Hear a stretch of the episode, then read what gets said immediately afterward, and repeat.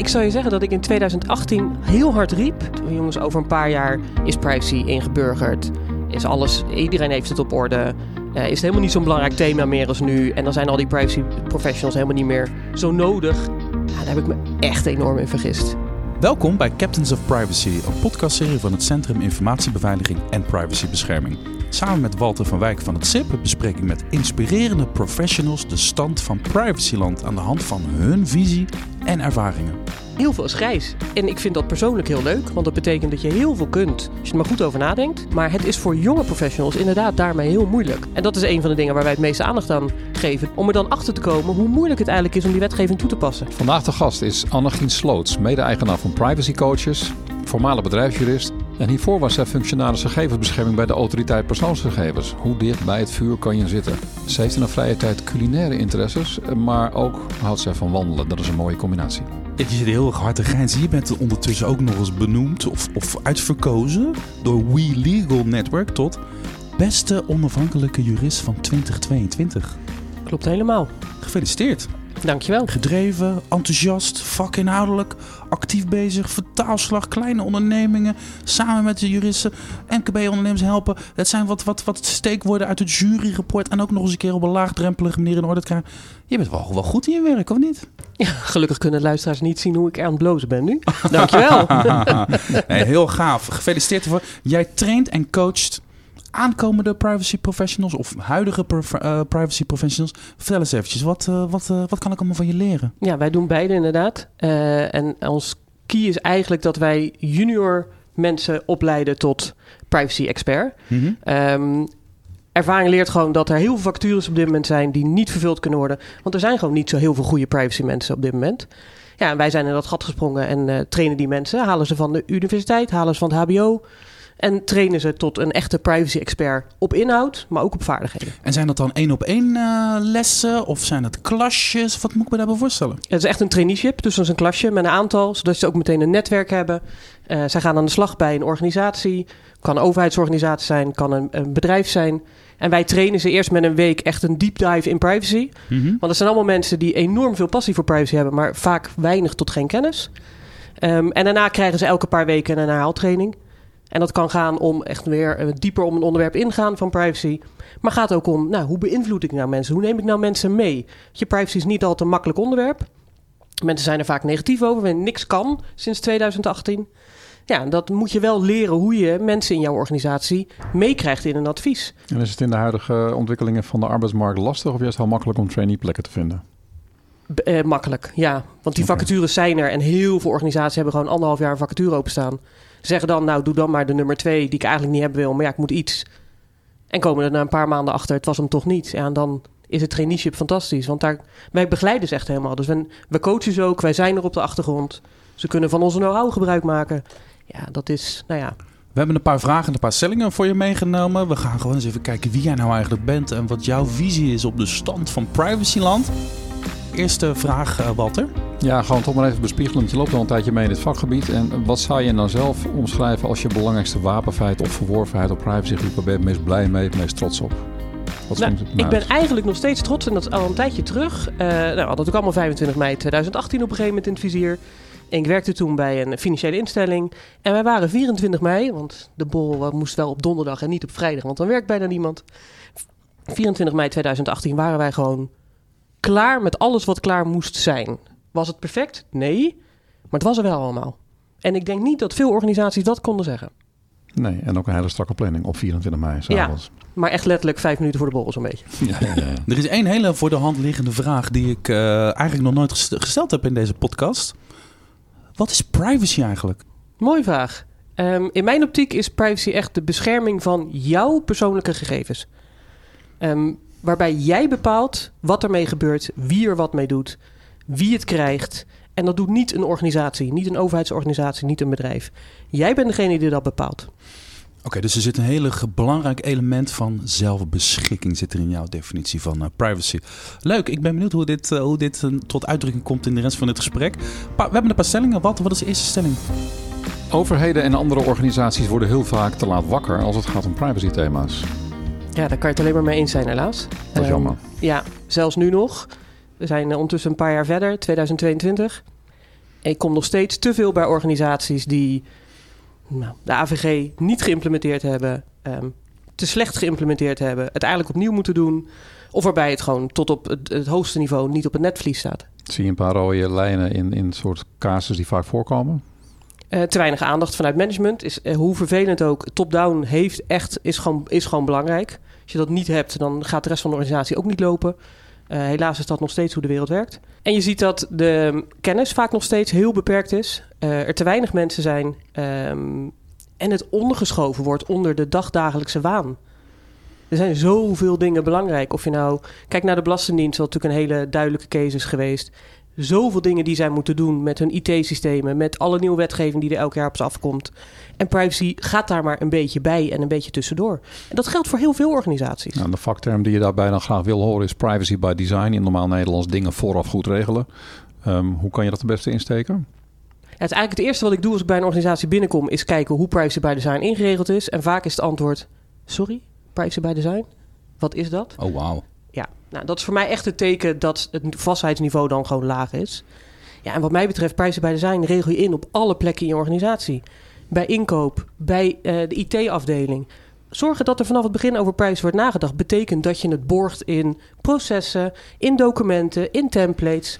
Want mensen moeten wel steeds gewezen worden op het feit dat privacy er is en dat je er iets mee moet. Ah, Oké, dus, dus de mensen moeten goed gaan begrijpen dat het niet een soort losstaand ding is wat buiten hen zelf bestaat. Nee, het, moet, het zit overal in al je processen. Het gaat over je klanten, het gaat over je medewerkers, het gaat over alles en nog wat. Absoluut. Ja, en je kunt ook niet van ze verlangen dat ze er steeds zelf over nadenken. Als het iets is wat je niet dagdagelijks in je werk doet. En, en, zie je dan ook nog een verschil tussen overheden en organisaties in het veld? Want uh, deze stelling gaat over zowel de, misschien commerciële organisaties, misschien wel uh, uh, ziekenhuizen en over overheden. Zie je daar verschillen? In, in ik zou willen dat het antwoord ja is, want ik zou eigenlijk willen dat overheden verder zouden zijn. En het antwoord is nee. Oh, ja. heb ik een leuke van. Jij bent natuurlijk een tijdje lobbyist geweest in Den Haag hè, voor de ICT-sector. Dus jij weet hoe die hazen daar lopen. Staan nou dat wij nou eens denken van uh, wij willen jou in Den Haag hebben als lobbyist. Wij als samenleving, als, als burgers, willen we dat jij gaat lobbyen voor privacy in Den Haag. Wat gaan we doen? Ook weer zo'n mooie vraag. Nou, eigenlijk zijn er dan twee dingen. Eén is heel praktisch. Want wat je gewoon nu ziet gebeuren is dat wetgeving, of dat nou wetgeving echt over gegevens gaat en over persoonsgegevens of, of algemenere wetgeving, dat er gewoon niet over privacy wordt nagedacht. En dan niet alleen maar in de zin van wat mag er niet, maar vooral ook wat mag er wel en wat wil ik. Denk aan de zorg. We vinden het allemaal heel belangrijk dat er onderzoek wordt gedaan. Maar nergens is goed geregeld dat de persoonsgegevens van patiënten daarvoor in een vorm en op de juiste manier voor gebruikt kunnen worden. Dus dat gaat over het hoe. Dat gaat over het hoe. En met name het vooraf nadenken: wat moet ik nou kunnen doen om een bepaald doel te kunnen bereiken. In dit geval betere zorg. In dit geval betere nieuwe medicijnen.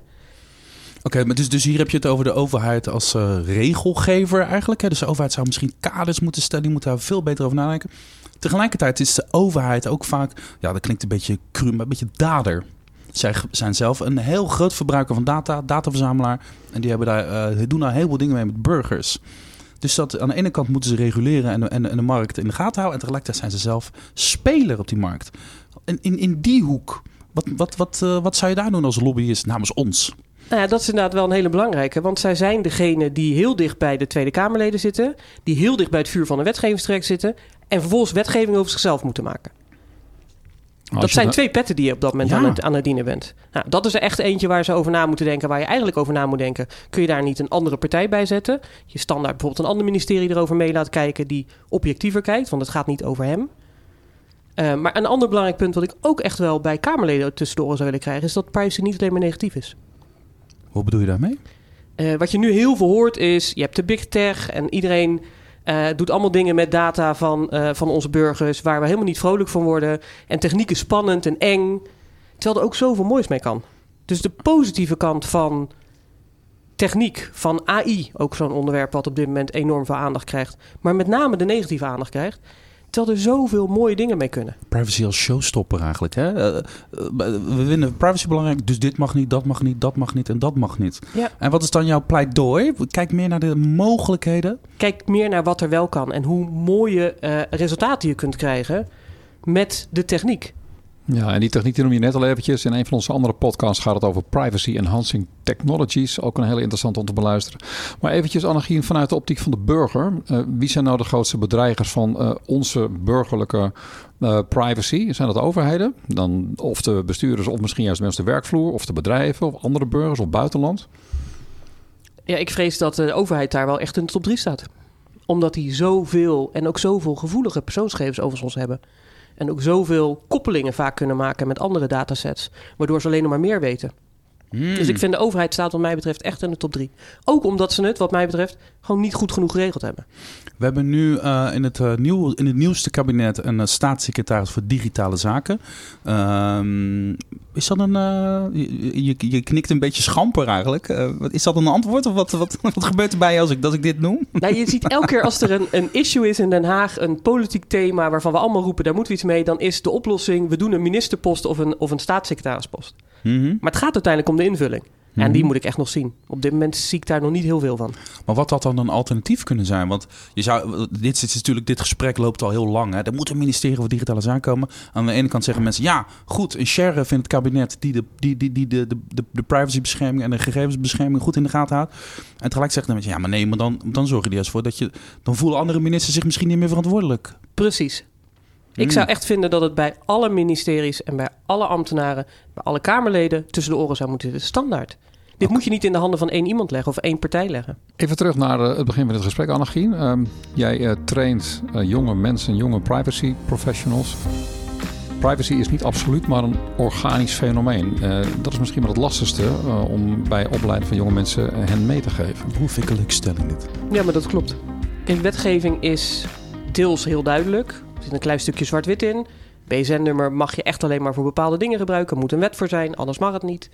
Dat is een van de weinige dingen die echt duidelijk is, bijvoorbeeld. Mhm. En heel veel is grijs. En ik vind dat persoonlijk heel leuk, want dat betekent dat je heel veel kunt als je er maar goed over nadenkt. Maar het is voor jonge professionals inderdaad daarmee heel moeilijk. En dat is een van de dingen waar wij het meeste aandacht aan geven. Door gewoon echt praktijkcases met ze door te nemen, ze zelf te laten doen. Uh, om er dan achter te komen hoe moeilijk het eigenlijk is om die wetgeving toe te passen. Oké, dus je moet als uh, aanstormende privacy professional de regels kennen. De juridische context moet je snappen. Maar dan, maar dan wordt het een beetje ingewikkeld. Hè? Want dan komen de kwaliteiten als uh, ethisch besef. Er komen kwaliteiten als uh, belangen afwegen. Er komen kwaliteiten als uh, staan voor de zaak en tegen de baas zeggen: uh, gaat niet gebeuren. Dan moet je ook stevig in je schoenen staan. Ja, of anders gezegd, ben je als FG nou idealiter een jurist of een socioloog? je hebt echt goede vragen en goede stellingen vandaag, Walter. Dankjewel. Ik vind in alle eerlijkheid geen jurist. Ik ben jurist, kun je nagaan. Um, maar als ik echt zwart-wit zou moeten kiezen, is het socioloog. Want het gaat om. Je moet met iedereen om kunnen gaan. En je moet tegen iedereen alles kunnen zeggen. En goed over de bühne brengen. Wat uh, belangrijk is voor. Of dat nou je medewerkers inderdaad is, of je klanten, of je burgers als het om de overheid gaat. En een jurist denkt toch vaak vanuit regels, zwart-wit, ja, nee. -hmm. Okay, ja, dat zei dat jij als jurist zo'n stelling durft in te nemen, dat zegt wat. Dus dank je wel daarvoor. Dit is interessant. Oké, maar dan wil ik je even meenemen naar die, dat, uh, dat klasje met, uh, met, uh, met, met de talenten die jij gaat opleiden. je zegt, wij werken vanuit casussen dan. Hoe, hoe, hoe, hoe train je dan ethisch besef, belang afwegen en al die skills die veel moeilijker bij te brengen? Hoe doe je dat dan? Uh, gelukkig hebben we daar ook wel echt hulp van hele goede trainers extern. Mm op ethiek hebben we een hele mooie, uh, maar ook inderdaad op beïnvloeden, presentaties geven, goede notities schrijven. Weet je, een, een, bestuurslid kijkt toch vaak de eerste drie zinnen of hopelijk de eerste linia en dan moet het gewoon over de bühne gebracht zijn. Hoe doe je dat nou goed? Nou, daar hebben mensen die daar de theorie over vertellen, maar we hebben ook gewoon letterlijk de cases die wij natuurlijk vanuit nou ja, alle trainers vanuit de praktijk al met ons meebrengen. Er komt een vraag van de marketingafdeling.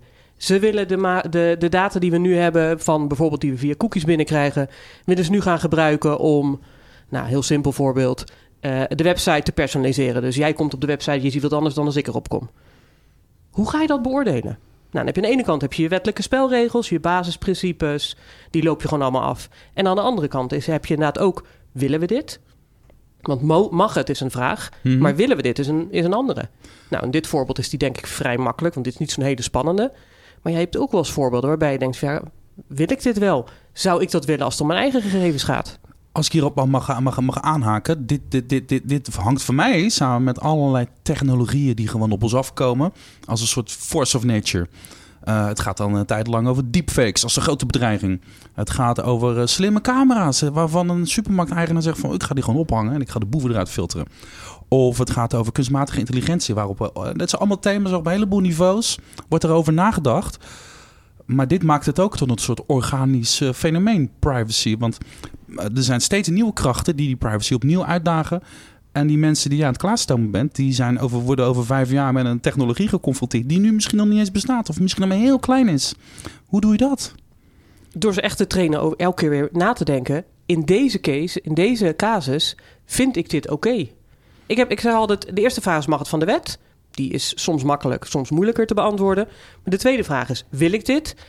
En ik zeg altijd, ja, kan ik het aan mijn moeder uitleggen? Ik heb een hele goede band met mijn moeder, dus ik wil dat haar gegevens erg goed beschermd zijn prima, dan kan het blijkbaar. En dan moeten we er vooral mee doorgaan. Kan ik het niet, moet ik misschien heel even nadenken of ik dit wel wil. Maar die technologieën die Robin net eventjes noemt, die zijn de laatste vier jaar gewoon enorm in de stroomverstelling gekomen. Ze hebben de AVG's net droog achter de oren en we lopen al bijna weer een paar stappen achter. Dit pleit dan bijna voor permanente educatie als eis op het vakgebied van privacy. Absoluut. Ik ben heel groot voorstander van permanente educatie. Want het is de technologie, maar het is ook het toepassen van bestaande technologie op een manier die we van tevoren niet bedachten. Je bent mensen aan het voorbereiden op de komst van een technologie waarvan je nog niet eens weet dat die, dat die gaat bestaan. Nee, ik weet nog niet dat die bestaat. Ik weet nog niet wat er, wat er gaat komen, uit, in welke hoek ik het moet zoeken.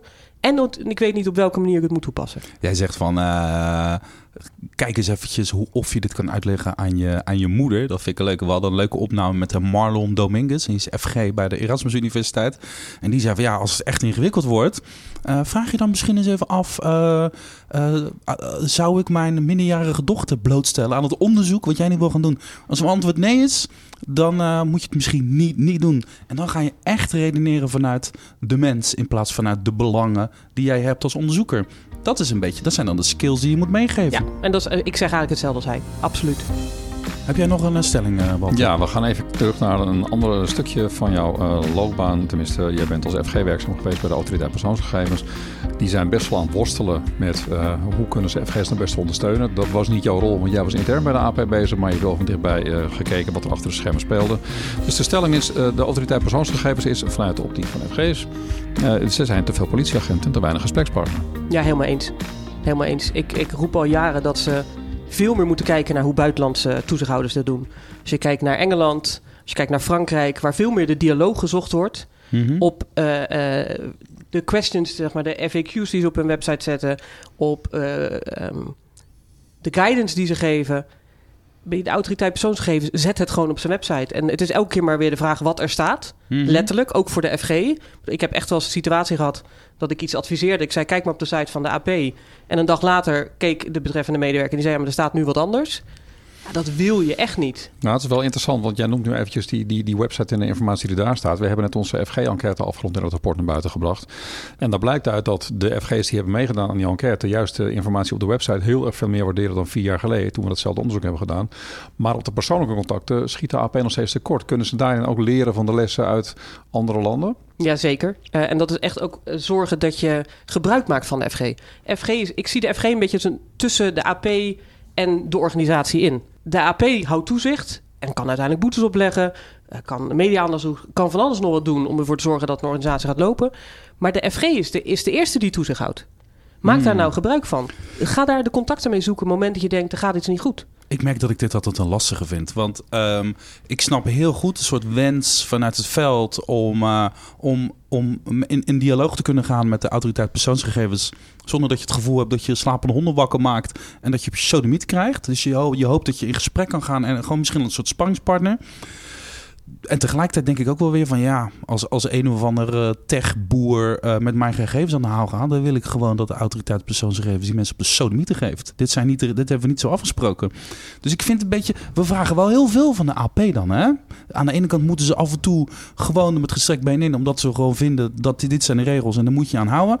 En tegelijkertijd vinden we ook dat ze gesprekspartner moeten zijn en ons een beetje moeten helpen. Hoe, hoe gaan we dit dan doen? Want het is nu eenmaal een organisch geheel, dat privacy, wat we net hebben vastgesteld. Vandaar vier directoraten met verschillende taken. Ja, maar ik vind dat ook. Ik vind dat eigenlijk verschillende fasen waar je het over hebt. In die ah. end moeten ze uiteraard met die stok kunnen slaan. Dat is een rol. Uh, en dat vind ik ook niet meer dan logisch. Maar ik vind wel dat je van tevoren duidelijk moet maken wat jouw visie is op nou, maar de uitleg van de wet. Mhm. Eh, en als jij guidance geeft, dat je dat van tevoren doet en niet eerst slaat en dan die guidance geeft. Daar hebben we natuurlijk ook voorbeelden van de afgelopen tijd in gehad. Mhm. Ehm, maar ook dat als je guidance maakt, dat je daar met de sector over praat. En dat je de input ophaalt. Doen ze bij wetgevingstrajecten, doen, ze, doen de ministeries dat ook. Betekent niet dat je alles hoeft over te nemen wat zo'n sector zegt.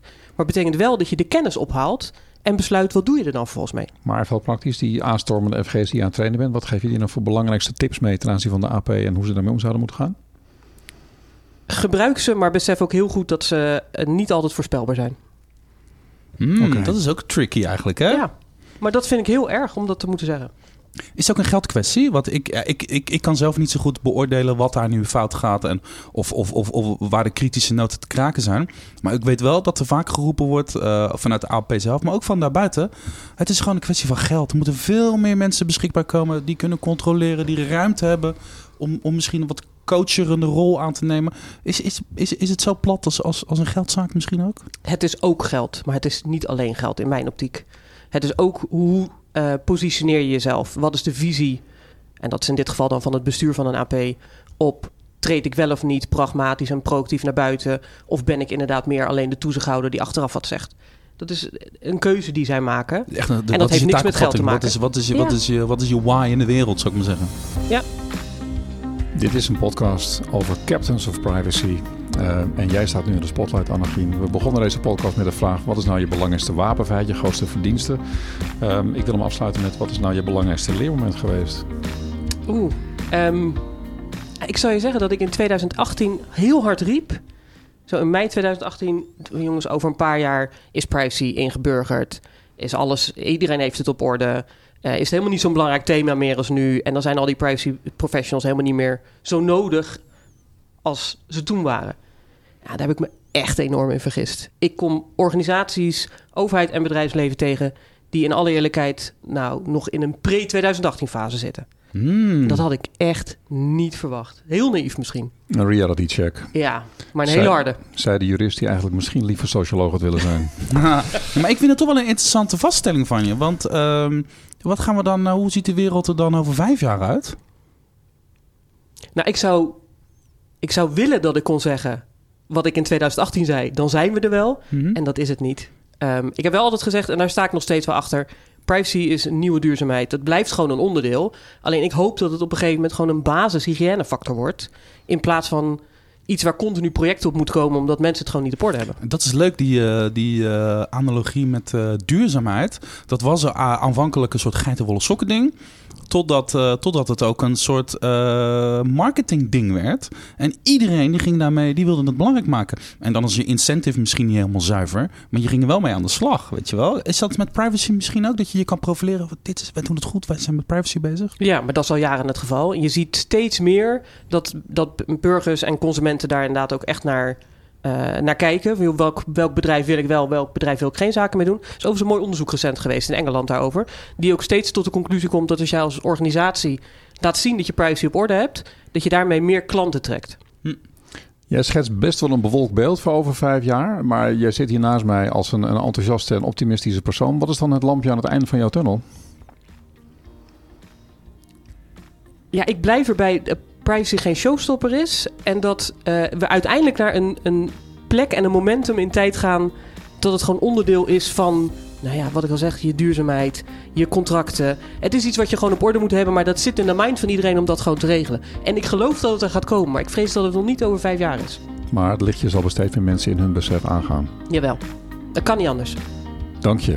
Dankjewel, Annegien Sloots, mede-eigenaar van Privacy Coaches. En eh, ik, eh, ik heb wel het vermoeden dat jij een grote belangrijke bijdrage gaat leveren aan, eh, aan, het, aan het lichtje van deze toen dit het lichtje aan de tunnel. Want die mensen die gaan er gewoon komen. Eh, ik hoop dat dit gesprek heeft geïnspireerd. Het heeft mij in ieder geval wel een hoop eh, eh, waardevolle kennis opgeleverd. Er zijn een heleboel andere leuke afleveringen, Walter. Captains of Privacy. We hebben een heleboel leuke mensen gesproken. Waar kunnen we die vinden? Allemaal op de SIP-website sip-overheid.nl slash uitgelicht. Of gewoon in je favoriete podcast app. Annegien, dankjewel. Graag gedaan. Leuk dat je erbij was, dankjewel. Jullie ook bedankt.